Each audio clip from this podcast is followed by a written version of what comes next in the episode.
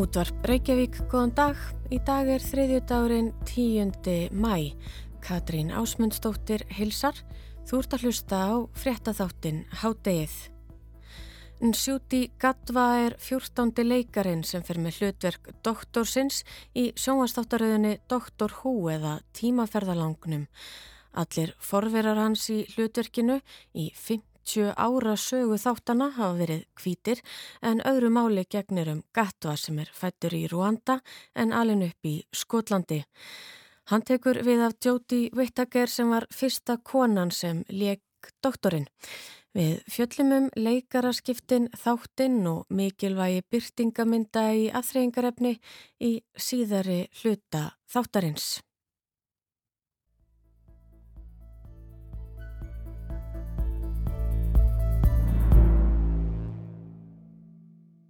En við byrjum á samkeppnismálum.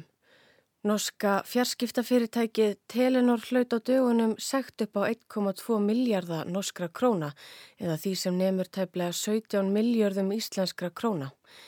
Segtin er um fimmfalt hærri en árleg framlög til eftirlitstofnunar EFTA, ESA, nema og aldrei áður hefur norsk fyrirtæki hloti jafn háa segt frá stofnuninni. Átni Páll Átnason er fulltrúi Íslands í stjórn eftirlitstofnunarinnar. Hans er hlutverk ESA markþætt meðal annars að tryggja að aðildaríki eftir far eftir samningsskuldbindingum sínum gagvart EES-samningnum en líka að tryggja að fyrirtæki fari eftir slíkum skuldbindingum. Og í þessum tilvökum sem við erum að ræða núna varandi uh, sekt á, á einstök fyrirtæki að þá fer eftirlitstofnunin með vald sem er alveg eins og það var allt sem samkeppniseftilit á Íslandi eða í Noregi fer með gagvart fyrirtækjum þar sem er rannsókn á samkeppnisbrotum vegna þess að það eru hliðstaða reglur í eða samningnum eins og eru í innanlandslögju á Íslandi og í Noregi uh, sem banna samráð og uh, samkeppnishamlandi hegðun með snótkun og markarsráðandi stöðu. En hvert er brotið? Hvers vegna sektar eftirlitstofnunin þennan norska fjarskiptarisa? Í þessu tilviki varum að ræða mm, verðmismunum í rauninni þar sem að uh, Telenor uh, beitti samkipnusæðila uh, verðþrýstingi, ólögmætum verðþrýstingi og rukkaði þá of mikið á heilsulustíi vegna þess að Telenor gæti ráði bæði heilsulu og smásulutíinu. Sem sagt, samkjafnisaðilar gáttu því ekki keft við Telenor Dómurinn sem fjalli Luxemborg í síðustu viku á sér langan aðdraganda og má rekja forsögu hans til ásins 2012 þegar grunur leik á að fyrirtæki hefði gerst brotlegt við 54. grein EES-samningsins. Tvö ár eru síðan eftirlitstofnunin komst að þessari niðurstöðu en Telenor áfríði. Sem fyrr segir er sektin feiki há eða tæplega 17 miljardar íslenskra króna. Sektin er vissulega há, en það eru sektir í sankjöfnismálum mjög oft, eins og Íslendingar þekkja líka. Uh, og uh, jáfnveil undirgangast fyrirtæki sátt í sankjöfnismálum uh, og borga háarfjörðar til að, að komast hjá sektum. Þannig að úr íslenskari sögu tekjum við mjög háar sektir. En það eru auðvitað miðanar við alvarleika brots og efnahagslega börðu fyrirtækjana, veldu fyrirtækjana því að þetta er yfirleitt veldu tengdar heimildir í uh, lögum til þess að, að leggja sektir á. Uh, brotið í tilviki telunor fólst í ólögmætum verðhrýstingi þar sem að fyrirtæki gætt uh, beitt samkeppnisaðila og eðlilegri verðlækningu á heilsulustíi og það er það sem að á endanum er staðfest í dómi eftir að dómstofsvöld alveg óeikjandi og uh, þannig að eftirlistofnun í sjálf og sér vann málið á, uh, að öllu leiti fyrir eftirdómstofnum núna í síðustu veku. Sem eitt aðildaríkja fær Ísland sinn skerf af þeim fjármunum sem Telenor þarf að greiða. Um, sektirnar í samkjörnusmálum uh, renna í, uh, til aðildaríkjana í réttu hlutvalli við framlöðara til eftirlistofnunarinnar uh, í þessu tilviki er auðvitað um að ræða sekt sem er lögð á norsk fyrirtæki en samt sem aður þá er það þannig að það eru framlegin til eftirlitstofnunarinn sem ráða því uh, hvert sektin rennur. Þannig að í réttu hlutallu við framlög Íslands til uh, eftirlistofnurinnar þá koma í, kemur í Íslands hlut sem svarar framlögum Íslands til uh, rekstra stofnurinnar, svo þetta er, losar halvan miljard króna Uh, ég er ekki alveg vissum á hvaða gengi þetta verður gert upp hvort það er á hennu upphálega sektar gengi eða gengi dagsins í dagan en ég þóri nú ekki að setja nákvæm að tölu þessu en það losar halvan miljard Átni segir sektir frá ESA ekki bindandi og hægt er að áfriða þeim líkt og Telenor gerði en nú er þetta áratuga langa mál leitt til líkta uh, Nei Uh, fyrirtækin geta uh, eins og í þessu tilviki kjært til eftir domstólsins uh, álagninguna og niðurstöðuna. Og það var síðan eftir domstólsins núna málflutningu fór fram í fyrra sumar niðurstöðan kom núna og mikið ánægjöfni fyrir eftirlistofnurina að hafa unni málið að öllu leiti fyrirtækin hafa auðvitað alltaf það möguleika að, bera mál fyrir domstóla Eh, það er líka þekkt á Íslandi í samkeppnisréttinum þar.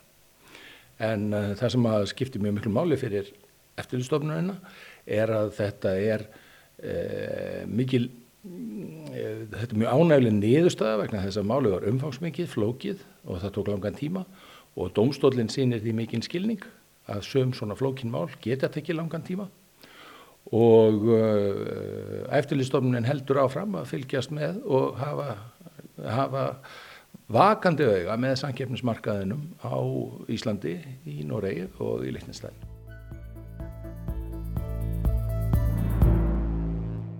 Skoski leikarin Nsuti Gatwa tekur á næsta ári við hlutverki doktorsins eða doktor Hú í samnefndri þáttaröð. Gatva verður 14. doktorinn og fyrsti svarti leikarin til að taka sér hlutverkið í 50 ára sögu þáttana ástsælu. Hann tekur við af Jóti Whittaker, fyrstu konunni sem fór með hlutverkið. Við skoðum leikaraskiptin, einsleitni og mikilvægi byrtingamynda í afþreyingarefni.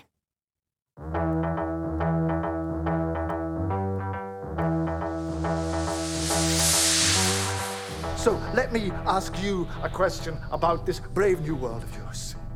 When you've killed all the bad guys, and when it's all perfect and just and fair, when you have finally got it exactly the way you want it, what are you going to do with the people like you?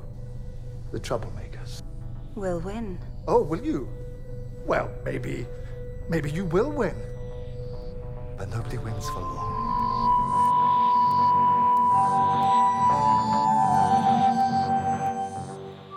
En Sjúti Gatva er 29 ára. Hann fættist í Rwanda og flúði þjóðarmorðin á samt fjölskyldu sinni til Skotland sem barn. Þar tóku þó kvorki við gull nýjagrænir skóar eða ekki fyrir hann fann sína hillu í leiklistinni. Stóra tækifærið kom þegar Gatva fekk stórt hlutverk í þáttaröðinni Sex Education á Netflix.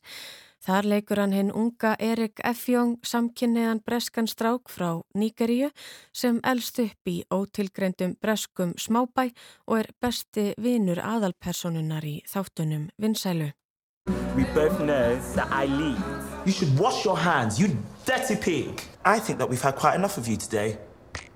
Go on. Nails, hair, hips, heels, ass, fat, lips, real, you, me. Gatva sem hefur verið lofaður og verðlaunaður fyrir frammeðstöðu sína í Netflix þáttunum er afar vinsæl meðal yngra fólks og samfélagsmiðlum. Svo velgengni er talin einn af ástæðum þess að hann hlaut hlutverk doktorsins en það er Breska ríkisútvarpinu vist mikið í mun að auka vinsældir þáttana meðal yngri kynnslóða, Mark Hóps Gatva hinga til sem horfa minna og minna á sjónvarp og línulega dagskrá. En það er ekki það eina. Hann er líka framúrskarandi leikari getum einstökum hæfileikum og sjarma og hefur meðal annars sloti bæði skosku baftaverlunin og Rósdórverlunin fyrir framistöðu sína í Sex Education.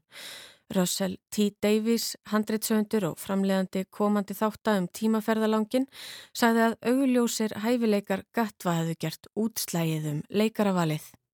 Here he is, talent, talent, don't listen, talent. It was the most blazing audition. It was our last audition. It was our very last one. We thought we had someone and then in he came and stole it. And genuinely, I've watched Sex Education, loved his work, didn't quite know what we were going to get until I was in the room. And, and meeting you since, Shooty, it's just going to be a joy. I'm properly, properly thrilled. It's going to be a blazing future. En Shooty Gatva heitlaði Davies upp úr skónum í áhernapröfunni, þeirri allra síðustu. Hann sagði að Gatta hefði stólið senunni og hlutverkinu á síðustu stundu og hann gæti ekki beðið eftir að ráðast í verkefni með honum. Gattva sjálfur sem var stattur á samt Davies á Baftaverlunaháttíðinni þar sem hann var tilnemdur í þriðja sinn fyrir leiksinn í Sex Education sagði það heiður að fá hlutverkið. It feels really amazing and it's a, it's a true honor. This role is an, is an institution and it's so iconic and it means a lot to so many people, including myself. And so it makes everyone feel seen as well. It's something that everyone can enjoy. So I feel very grateful to have had Þetta er ólýsanleg tilfinning og sannur heiður. Þetta hlutverk er stort og tákgrænt, sagði hann í viðtali við BBC. Hlutverk doktorsinn skipti marga miklu máli, hann sjálfan þar með talinn. Aðspurður hvort hann muni hafa einhvern forvera sinna sem fyrirmynd segist hann ætla að setja sitt mark á hlutverkið og fara sínar eigin leiðir.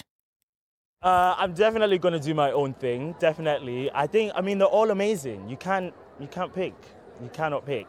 Um, yeah, a fan of Doctor I don't know who isn't a fan of Doctor Who. I really don't know. So yeah, very excited to, to join the family. Ég veit ekki hver er ekki aðdáðandi Dr. Who, saði Gatva, spendur yfir að slást í hópin og það er einmitt málið. Þessir vísendaskáldsögu þættir sem hafa verið síndir í meira en 50 ár eru ekki bara meðal vinsalustu þátta í heimi, heldur eru fáir þættir jafn mikilvægir breska ríkisútvarpinu sem er eins og einmitt þessi þáttur Dr. Who sem er meðal arbærustu þáttaraða samsteipunar.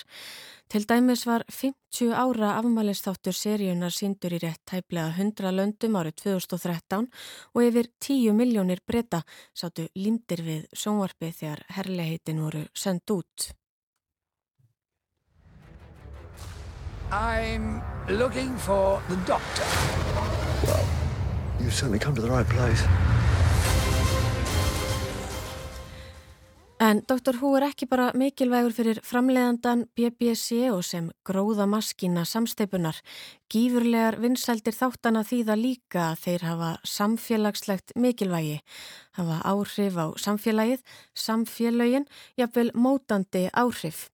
Til marksum það segir á vísendavefnum sína allar rannsóknir innlendar og erlendar alveg frá upphafstögum sjónvarps upp úr 1950 og óháð því hvenar það voru framkvæmdar að því meira sem börn og úlingar horfa á ofbeldi í sjónvarpi því árásar neyðari verða þau. Þá sínir rannsóng frá miðvesturíkjum bandaríkjana að 60% barna og ungmenna á aldrinum 2-17 ára óttast að það sem þau sjá í sjónvarpi geti komið fyrir þau sjálf. Það er að segja geti raunverulega átt sér stað. Eins sína niðurstöður rannsókna að strákar sem horfa á tónlistamindbönd sem sína ofbeldi verði jákvæðri gagvart í að beita ofbeldi og þau hafi slæm áhrif á viðhorf stráka til kvenna sem oft eru hlutgerðar í slíku myndböndum. Og þótt rannsóknir og nýðustur þeirra sé ekki alltaf heilagar og þótt þessar rannsóknir beinist helst að börnum og úlingum þá held ég að það megi segja að þær varpi ljósi á áhrif afþreyingarefnis á okkur eða allra minnstakosti á áhrif afþreyingarefnis á vissa hópa samfélagsins. Það er sín okkur að það sem við sjáum hefur áhrif á okkur, það sem við heyrum og upplifum hefur áhrif á okkur. Við erum ekki ónæm fyrir áhrifum samfélagsins Það sem við sjáum aftur og aftur og aftur hefur mótandi áhrif aftur og aftur og aftur á heimsmynd okkar, á viðþorf okkar til annara og gagvart okkur sjálfum. Ef ákveðnir hópar samfélagsins eru þannig aftur og aftur síndir í sama samhenginu, til dæmis bara konur sem fórnalömp, rítarar, heimavinnandi húsmæður, hlutir, þá hefur það áhrif. Ef ákveðnir hópar eru sjaldan eða aldrei síndir, þá hefur það áhrif. Þessi áhrif hafa lengi verið vanmetin eða lítils virt lítils en það er til allrar hamingu að breytast hægt og rólega eða mjakast til betri vegar. Eftir 50 ár með tímaferðalangnum er loks komið að því að skoskur leikari frá Ruanda fari með hlutverkið og taki við því að fyrstu leik konunni í hlutverkinu. Leikari sem helst er þekktur fyrir að leika samkynneiðan strák, strák sem þúsundir ungmenna um allan heim hafa geta tengt við, speiklað sig í og séð sjálf sig í. think French people like to go on proper dates. Where should I take him? Okay, just don't stress. I can't. I haven't decided what I'm gonna wear. What should I wear? Wow, the tables have turned. Oh, Otis, I don't have time for this conversation. I have to go home and try on everything at home. Maybe just lose the scarf. Maybe lose your virginity? Og því ber að fagna.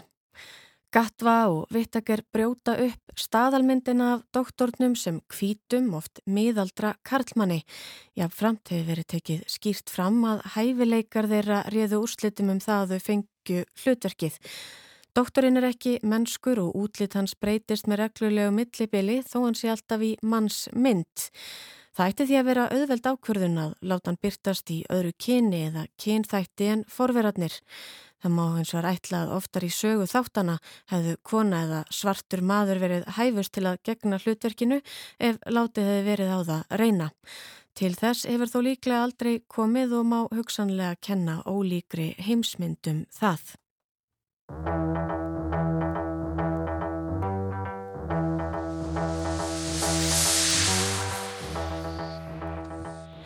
Allt helst þetta í hendur, ákall áhorfenda og ábyrð og meðvitund framleiðenda afþreyingar og menningarefnis. Vonandi fá öll tækifæri til að finnast þau vera sínileg og séð með öllum þeim jákvæðu samfélagslegu áhrifum og ávinningum sem það hefur í för með sér. Því ef engin er eins og þú á skjánum, hvað segir það þér? Hvað segir það þér um þig, þína stöðu og þitt mikilvægi og hlutverk í samfélaginu? Ef þú sérði ekki köttin í kassanum, er hann þá til?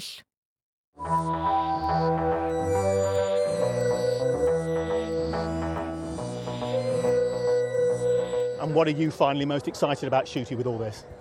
To battle aliens for like a really long time. Like I can't wait to do that. I'm the job is going to be and is already really creatively fulfilling and so I'm just excited to take on the role. Much pressure?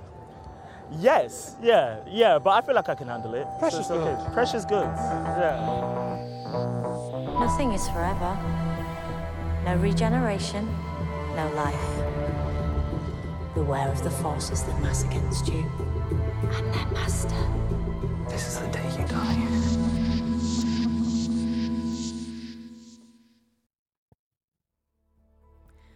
Hádegið er þá að enda í dag. Við verðum hér aftur á sama tíma á morgun. Þátturinn er einni aðgengilegur í spilaranum og hlaðvarpsveitum og þá er þetta að senda okkur post með ábendingum á netfangið hádegið hjá rúf.is. Verið sæl!